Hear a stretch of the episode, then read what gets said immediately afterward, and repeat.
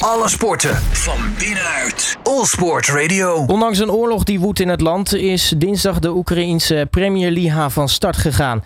Een bijzonder moment, aangezien er ontzettend veel gebeurd is in het land en natuurlijk ook bij de clubs sinds de inval van Rusland op 24 februari. Hoe veilig is het om te spelen en wat kunnen we eigenlijk verwachten van de wedstrijden gezien de spanningen in het land? Ik ga over praten met uh, Yevgeny Levchenko, natuurlijk uh, voorzitter van Spelersvakbond VVSS en boven alles natuurlijk ook uh, Oekraïner. Yevgeny, hele goede middag. Een uh, goedemiddag. Uh, ja, het is een, uh, het is een absoluut een, ja, memorabele datum natuurlijk. Want je, je merkt wel dat het heel lang voorbereidingen hadden wij niet. vandaag is trouwens um, Independence Day, onafhankelijkheidsdag in Oekraïne. En goed, het was gisteren best wel spannend of die wedstrijden wel volledig zouden... Um, op normale manier uh, door zouden gaan. En uh, het is het uiteindelijk zo goed gegaan, als je dat zo bekijkt. En of dat veilig is, ja, dat is, dat is een vraag 2. Ja, want er is natuurlijk ontzettend veel gebeurd in de, in de tussentijd. de competitie ja, werd natuurlijk abrupt onderbroken sinds de inval van, van Rusland in Oekraïne. Um, daarna is er veel gebeurd. Een leegloop. Buitenlandse spelers wilden, uh, nou ja, misschien ook wel vanzelfsprekend weg uit een uh, oorlogssituatie. Uh, nou ja, de Oekraïnse spelers gingen meehelpen aan het front, gingen andere dingen doen. Um, ja. En dan op een gegeven moment, ja, op een gegeven moment moet het leven toch weer een beetje normaal worden, ondanks alles. is, is het eigenlijk wel vanzelfsprekend dat, dat dan zo'n competitie gewoon weer van start gaat? Ja, het, het, het, normaal is het natuurlijk wel tussen aanhalingstekens. Want ja, normaal uh, leven en normaal functioneren in tijd van oorlog is wel een, uh, een understatement. Want je, je, kunt, je kunt natuurlijk niet normaal functioneren, niet normaal leven. En ja, in, en, en, en wel natuurlijk wel in bepaalde steden kan je wel uh, relatief veilig zijn. Zoals in Kiev. Maar er zijn best wel veel steden, zoals vandaag bijvoorbeeld, met zo'n grote uh, met zo'n grote uh, belangrijke dag voor Oekraïne werden al meerdere lucht, luchtalarmen alarms afgegaan. Dus ja, het, het, is, het is niet echt een. Uh, het is een beetje kunstmatige competitie, want je speelt natuurlijk zonder, zonder publiek. Wedstrijden worden dan wel uitgezonden, uitgezonden maar het is. Ehm, ja, het is niet een wedstrijd, niet de competitie die je normaal gesproken in Oekraïne zou moeten hebben. En voornamelijk, ja, uh, het is wel leuk voor internationale teams, uh, tenminste teams die, uh, zoals Shakhtar en Dynamo, die gaan wel daadwerkelijk internationale wedstrijden spelen. Maar andere teams, ja, die moeten het hebben van, van, ja, van veel wedstrijden spelen binnen de competitie. Alleen, het is niet, ja, nogmaals, het is in mijn optiek niet een ideale situatie. Ja, want uh, nou ja, er zijn bijvoorbeeld clubs die uh, toen het uh, stopte, de Premier League, nog bestonden. Inmiddels niet meer. Ik denk bijvoorbeeld aan een, aan FC Mariupol, waar de club gewoon helemaal opgedoekt is. Ja, Mariupol is, ja, die bestaat niet meer eigenlijk. Die is, ja, sowieso, stad Mariupol is voor 90% verwoest. Volledig in handen van, van Russen. Die hebben daar uh, hele uh, nare dingen gedaan. Um, en de club bestaat niet meer eigenlijk, want ja, je kan. Je, en, het ergste is natuurlijk dat die spelers als, als vakbondman, als CWCS-man. Um, uh, ik stond altijd aan de kant van de spelers en wij hebben nu elf aanvragen liggen van de spelers die hebben salaris niet, niet gekregen. Ja, dat, dat, dat heb je er nog bij, want het leven gaat door, hoe je dat mooi noemde. En ja, je moet van, van iets uh, kunnen leven. Daarom hebben heel veel spelers gezegd, wij willen zo snel mogelijk wedstrijden gaan spelen om uh, in eerste instantie A, te laten zien dat wij niet kapot te krijgen zijn. En B is natuurlijk om geld te verdienen om, uh, om, het, om, om te kunnen overleven. Ja, en dat lijkt me natuurlijk ook nou, niet alleen voor de voetballers belangrijk, maar misschien ook gewoon voor de, de inwoners van Oekraïne zelf. Uh, nou ja, het voetbal blijft toch uh, het grootste tijdverdrijf zo'n beetje. Uh, toch lekker als je nou in ieder geval iets hebt om naar uit te kijken elke, elk weekend. Ja, dat klopt. Alleen goed, er is best wel veel discussie geweest tussen... Ehm, ik, ik, was erbij betrokken. veel discussie geweest tussen het ministerie van Sport, clubs, spelers... Ehm, mensen van het uh, leger, uh, ministerie, ministerie van Defensie, wie zou en op welke manier veiligheid zou gegarandeerd worden.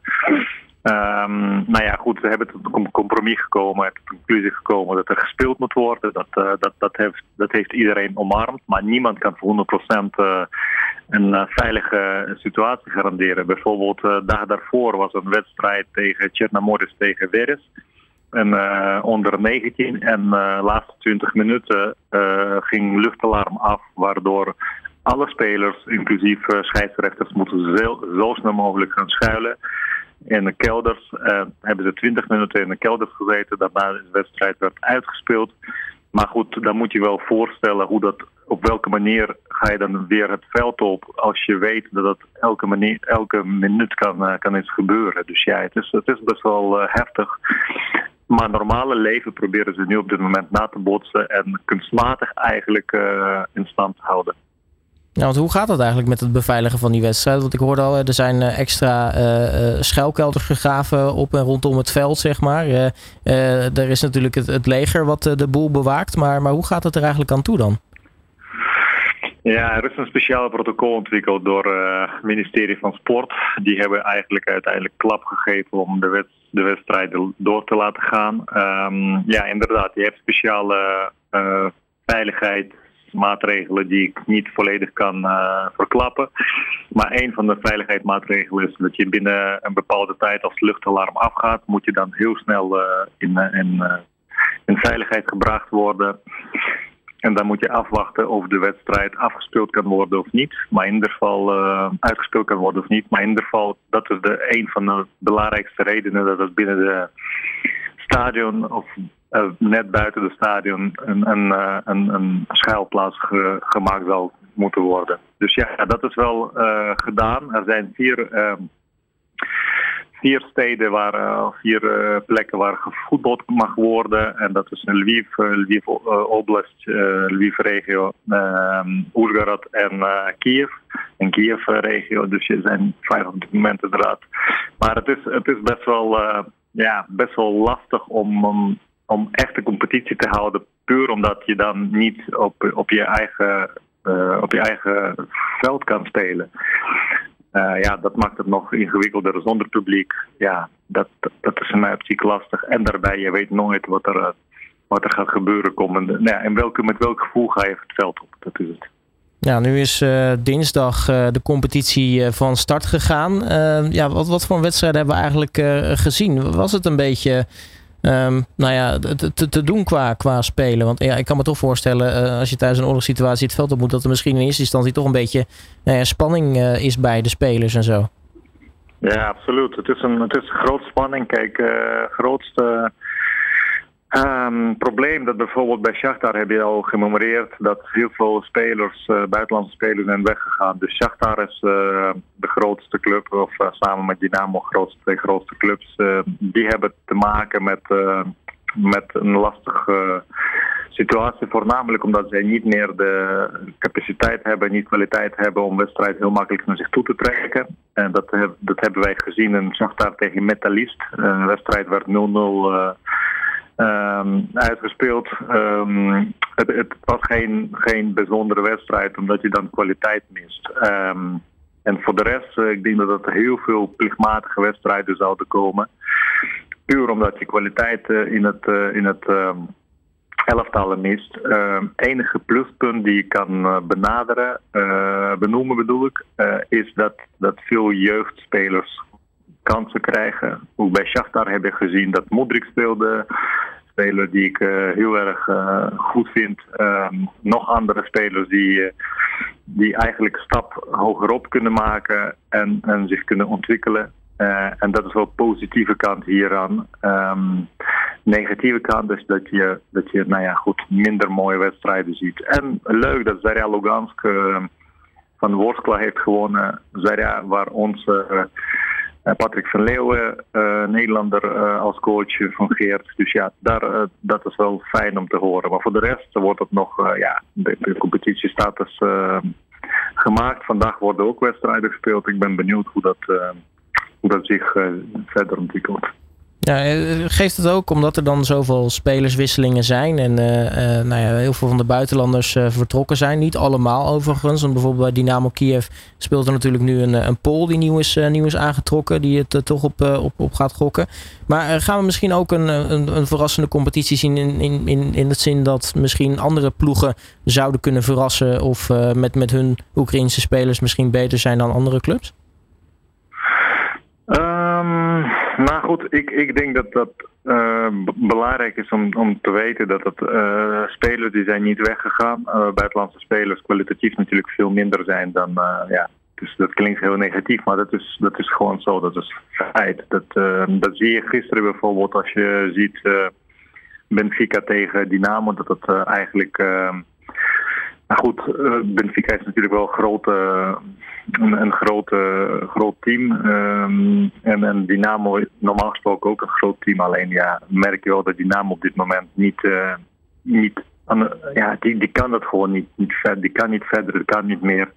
En natuurlijk Mircea Lucescu, de trainer van Dynamo, heeft gezegd: hey, we hadden uh, we hadden veel meer kunnen doen. Alleen ja, het is niet onze, ja, top, uh, top 11 spelers en niet top, uh, top 10.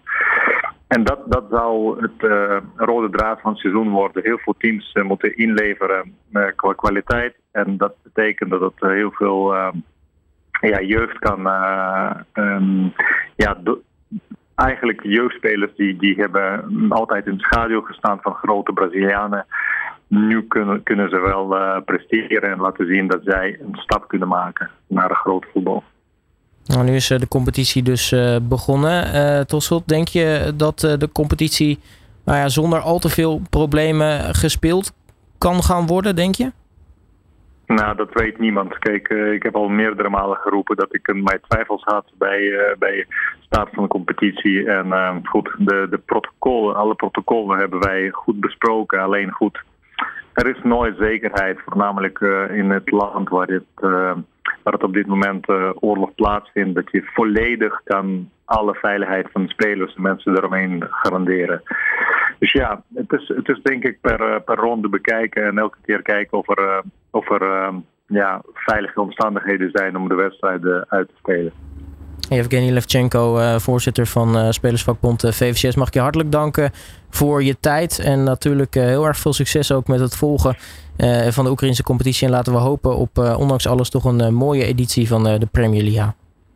Dankjewel en uh, Slava Oekraïne. Dag. Alle sporten van binnenuit. All Sport Radio.